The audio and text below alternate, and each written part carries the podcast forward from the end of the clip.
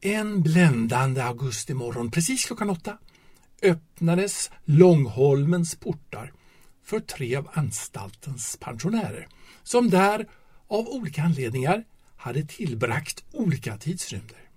Noggrant avpassade efter graden och beskaffenheten av deras i handling ådagalagda meningsskiljaktighet med det lagbundna samhället. De kände varandra icke. De hade ingen känsla av förbrödning genom gemensamma olycksöden och de sade varandra varken god morgon eller farväl. Den som kom först var en undersedig man med tjurpanna och grova handleder. Han hade en mörk kväll överfallit en gammal arbetare som han icke tyckte om, slagit ut några tänder på honom och sparkat honom i bröstet så att han hostade blod några dagar. Han hade fått en månad för övervåld varav ringa skada följt och begav sig skyndsamt till närmaste utskänkningsställe. Därnäst kom en man som hade bedragit ett opersonligt väsen med namn av eh, bankbolag på en medelstor penningsumma. Det är tre månader som han tillbragt inomhus hade icke alltför mycket blekt hans friska punschhy. Han hade välsittande mörkblå sommarkostym med smala vita ränder. På fötterna hade han nya gula skor. I handen höll han en liten elegant kappsäck av eh, samma färg som skorna. Och han liknade närmast en handelsresande som eh, småvisslande kommer ut från ett hotell.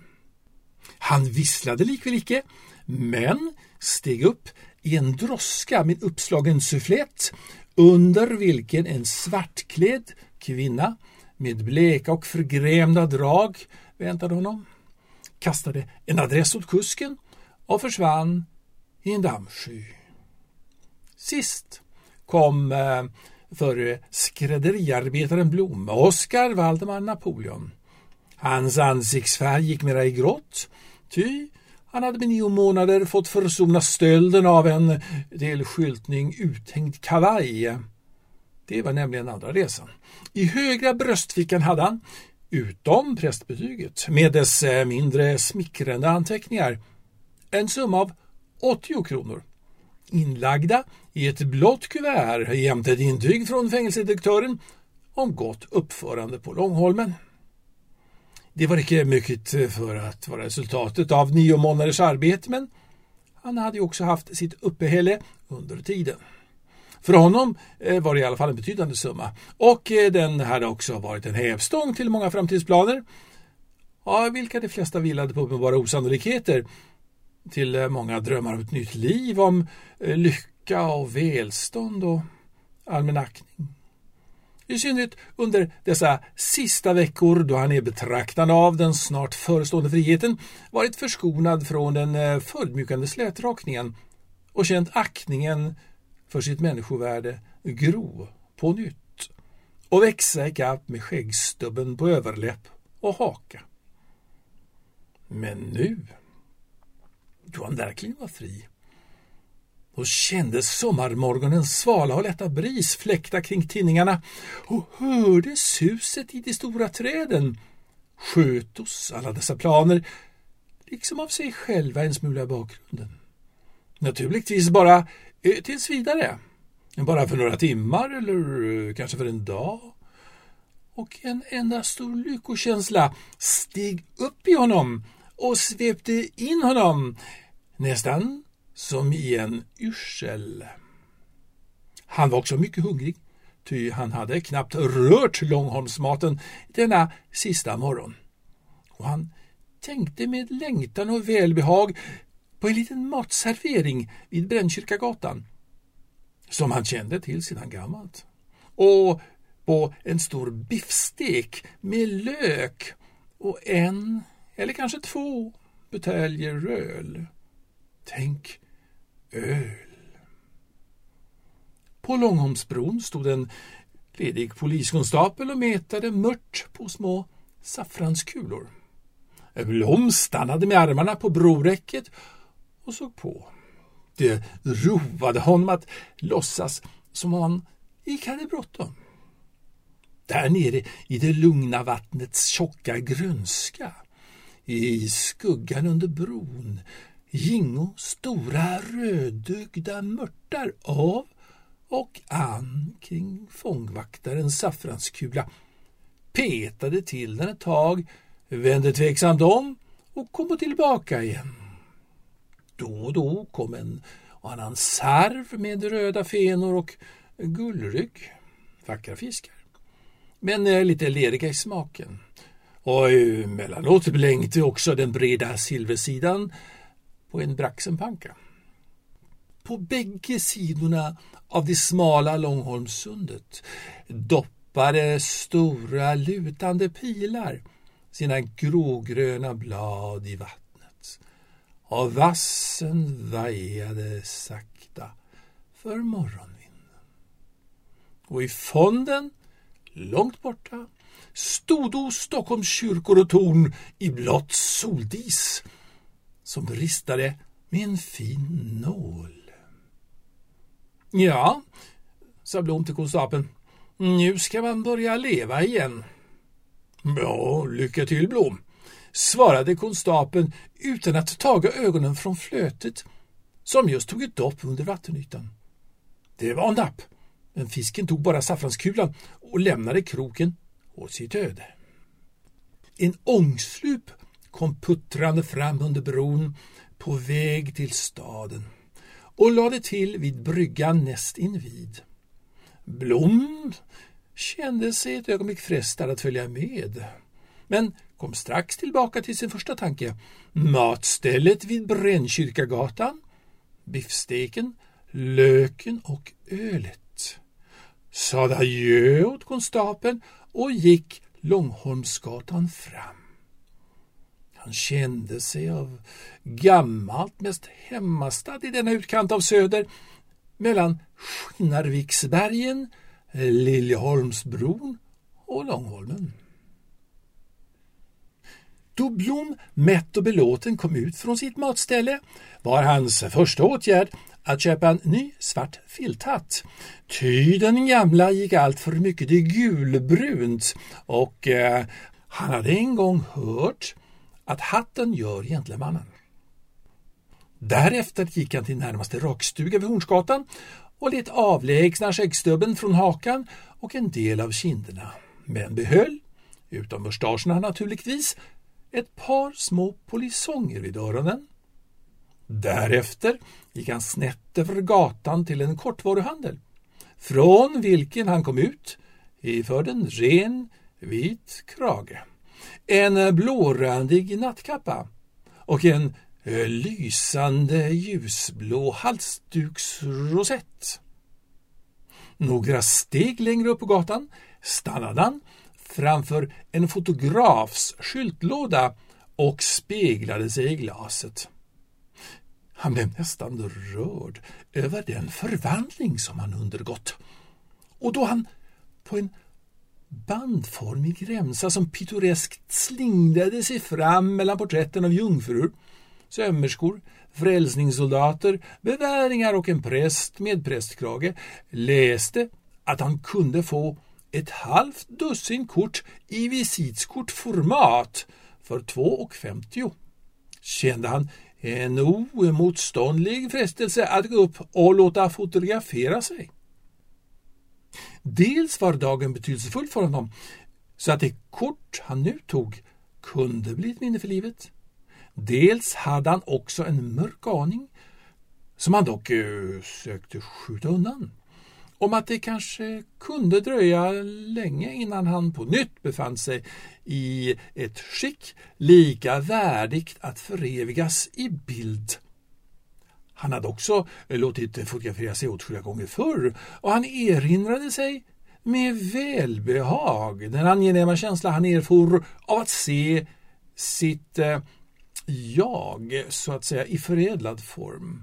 Utan fläckar på rocken och störande ojämnheter i hyn. Vackert slätkammad. och eh, med ett, ett värdigt och sympatiskt uttryck. Han gick upp till fotografen, kammade sig omsorgsfullt framför en spegel och satte sig orörlig framför kameran med händerna på knäna. Blev det bra? frågade han då sittningen var slut. Han kommer att se ut som en bankdirektör, svarade fotografen efter att ha kastat en blick på plåten. Då han åter stod på gatan kände han eh, goda föresatserna kalla med mera styrka och tydlighet än förut. Han eh, borde gå ner till staden, eh, söka upp ett par gudfruktiga och välvilliga personer som fängelsedirektören och pastorn givit honom anvisning på, söka arbete, skaffa sig ett billigt logi. Men det var ännu tidigt på dagen. Urmakarens klocka där borta i hörnet visade icke fullt på tio. Solen lyste så hjärtgripande på den blå himlen och luften var ljum och stilla. Han kunde unna sig lite tid. Han kunde gå ett slag utåt eh, Liljeholmen, ut i skogen. Ja, skogen, det hade han tänkt på många gånger medan han satt inburad där borta bakom gallret. Han hade vuxit upp i ett torp i en skogsbacke, en halv mil söder om Stockholm. Då han hade gått och läst blev han satt i lära hos en liten troende skräddare på Söder. Skräddaren var baptist. Blom blev också baptist och lät döpa om sig. Men eh, då han sedan kom till en annan skräddare som tillhörde statskyrkan och eh, flitigt missbrukade djävulens namn domnade den nya tron så småningom bort. Han gjorde nya bekantskaper och blev fästman åt en halvgammal jungfru som eh, hade sparbanksbok och som gav honom pengar. På detta sätt blev han eh, van att roa sig. Inte mycket, men eh, likväl mer än vad som är bra för fattigt folk. I de vackra sommarkvällarna satt han ofta på Mosebacke eller i Strömparterren och drack eh, punsch. Ibland med fästmön eh, men ibland med en liten mörkhårig sömmerska som han hade blivit bekant med hos Tekla en eftermiddag då hon hade kaffebjudning i Jungfrukammaren. Ja, hon hette Edith. Hon hade ett stort mörkt hår och en mycket röd mun. Hon gick långa tider utan arbete men förstod alltid att reda sig ändå. Blom önskade ofta att Teklas trofasta kärlek till honom tillika med hennes eh, sparbanksbok genom något trolleri kunde överflyttas på Edith. Men eh, Ediths hjärta var obeständigt och aldrig att lita på. Och eh, sparbanksboken förblev Teklas. Nå, som det nu var gjorde han sig i alla fall litet glädje både med den enes pengar och den andras röda mun. Men så kom slutet. Skräddaren som han arbetade hos gjorde konkurs och han stod utan arbete. Tekla lovade att hjälpa honom och tog ut pengar från banken. Han skulle få låna 30 kronor tills han fick arbete. På kvällen då han skulle få pengarna tvang hon honom att stanna längre än han hade lust till. Och då han äntligen skulle gå och bara väntade på pengarna bröt det löst. Hon var så mycket ursinnigare som hon måste tala mycket tyst av fruktan att väcka herrskapet. Edith hade varit uppe hos henne på eftermiddagen. Det hade kommit till gräl om någonting och Edith hade talat om alltsammans med Blom för att retas och skryta. Men Tekla var inte den som lät någon driva med sig. Och hon kallade honom en fähund och mycket annat. Och viftade med de tre tiorna under näsan på honom och förklarade att han aldrig mer skulle få ett öre av henne. Då nappade han dem till sig med ett raskt grepp och gick sin väg. Han visste att hon inte vågade göra något väsen på natten. Herrskapet kunde vakna. Men nästa dag anmälde hon honom i polisen för stöld. Han nekade först, men erkände sedan och berättade förloppet. Målsägandens framställning av saken var emellertid helt annorlunda. De 30 kronorna hade legat på ett bord. Han hade tagit dem utan att hon såg det och hon hade aldrig lovat honom dem. Det enda som blev fullt klart var att han hade tagit dem. Ja, det var första resan. Sedan hade han levat som det föll sig, haft arbete ibland, ibland svultit och tiggt, tills han en kväll fick den idén att stjäla en kavaj på Österlånggatan för att undgå Svartsjö. Han hade kommit ner på Liljeholmsbron. Mjölksurror skramlade och smålörviga bondhästar stretade mödosamt med sina pinkärror uppför det branta landfästet. Från de hundra fabriksskorstenarna kring Årstavikens stränder stego rökarna stilla och pelarätt mot höjden som från ett Herren behagligt offer. Över järnvägsbanken rusade Kontinentexpressen söderut med restaurangvagnen full av frukosterande resenärer med ansjovisar på gafflarna. Men i det lugna hörnet mellan stranden och bron simmade en ankfamilj av och an. Några vita, andra spräckliga, med minnen från vildanens dräkt. Och mitt i flocken stod ankebonden på en flytande planka och sov på ett ben och med huvudet under vingen. Blom tog upp en skorpa som han tagit med sig från matstället vid Brännkyrkagatan, smulade sönder den och kastade ut smulorna åt ankorna. Det blev strax livligare i flocken. Ja, till och med ankbonden lyfte huvudet och öppnade ena ögat, men slöt det igen.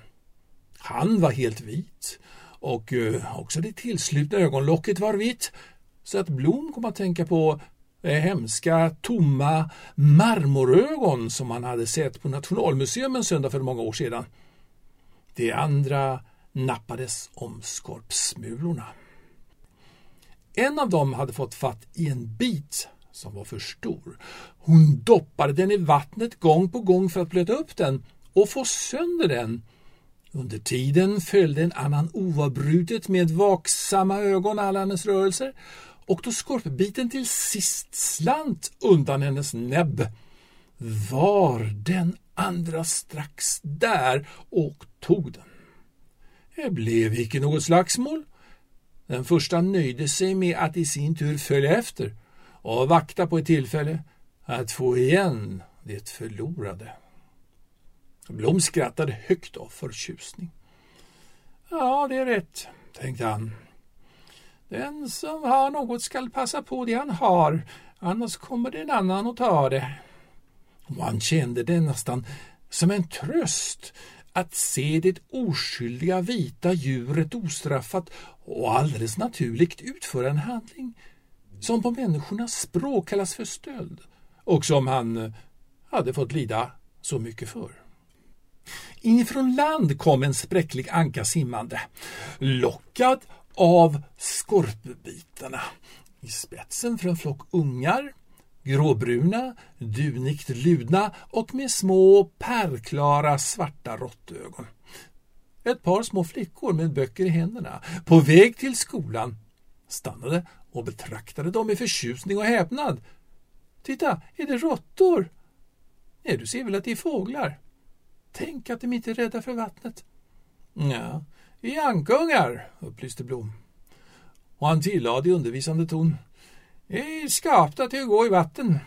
Det är inte mer märkvärdigt att de går i vatten än att fiskarna simmar. Tänk, sa den största flickan. Och de sprungo sin väg med små hopp. Blom erinrade sig en saga som han en gång hade läst i en skolbok om en ful ankunge som blev förvandlad till svan. Han sökte efter en, en tillämpning på sig själv och fann den delvis i sin förvandling nyss på rakstugan och i kortvaruhandeln. Men det föreföll honom inte fullt tillräckligt och han mumlade för sig själv medan han fortsatte över bron. Vänta, de ska få se. Vänta bara. Det var mycket varmt och när han kom på andra sidan om bron eh, där nässlorna och kardborrarna stod och grå av damm ut med vägkanten tog han av sig kavajen, stack käppkryckan genom hängaren, slängde den över axeln och gick vidare utåt Liljeholmsvägen visslande på en munter melodi. Ett stycke framför honom gick en ung kvinna med ett knyt i handen och han skyndade på sina steg för att få se hur hon såg ut framifrån. Och då han kom henne närmare stod hjärtat med ens nästan stilla i hans bröst, ty han tyckte att det var Edith. Är det samma vän hon sig om? Nisse Valdemar. Sedan det första uttrycket av överraskning väl försvunnit från hennes ansikte smålog hon vänligt och tycktes icke obehagligt berörd av att se honom. Hon skulle gå till en bekant som bodde lite längre bort och de följdes åt. Han fann henne förändrad, fylligare än förr och rödare i hyn som om hon hade druckit mycket öl. Hon frågade var han hade varit hela den långa tiden som de icke hade sett varandra. Han kände viss tillfredsställelse över att hon inte tyckte känna till hans äh, andra resa. Och äh, han improviserade något om en äh, långvarig sjukdom och en tids kondition hos en skräddare i Södertälje. Edith pratade oavbrutet. Hon talade om gemensamma bekanta, klagade över oförrätter som hon hade lidit. Tekla hade varit allra värst emot henne. Men nu var hon gift med en renhållningskar som redan hade supit upp hennes pengar och som slog henne var dag. Och det var rätt åt henne. Hon berättade också en hel del om sig själv, men på ett sätt som knappt tycktes kunna göra anspråk på trovärdighet. Blom eh, lät henne prata och sade icke mycket själv. Han tänkte på de nio månader som han hade tillbragt i ensamhet. Han drog henne sakta i armen och eh, förde henne in på en gångstig som ledde inåt skogen och hon tystnade mitt i sitt prat och följde honom utan att säga något. Stigen ledde i djup skogsskymning längs med ett staket och en häck som hägnade om en enskild trädgård från vilken några stora silverpopplar bredde sina höga och vida kronor. Åt andra sidan reste sig en granskogssluttning med mossa och ormbunkar och mörka snår. Över grantopparna seglade långsamt ett vitt sommarmoln. Blom vaknade vid att en stor regndroppe föll tungt på hans högra ögonlock. Han reste sig till hälften och gnuggade ögonen. Hade han sovit? Han var ensam och det regnade. Det regnade icke mycket ännu. Det var bara eh, de första stora dropparna. Men eh, det stod ett svart moln mitt över honom. Var var Edith? Han hade kastat sin kavaj med käppen ett stycke åt sidan. Han gick upp och tog den på sig. Plötsligt kom det över honom en otäck tanke och han tog ilsnabbt ett tag åt bröstfickan. Den var tom. Det blå kuvertet var borta. Kuvertet med pengarna och med fängelsedirektörens rekommendationer. Han kände det tjockt i halsen och tungt att andas. En plötslig vindil sköt som en vit blixt genom silverpopplarnas bladverk och en rasande regnby piskade honom i ansiktet.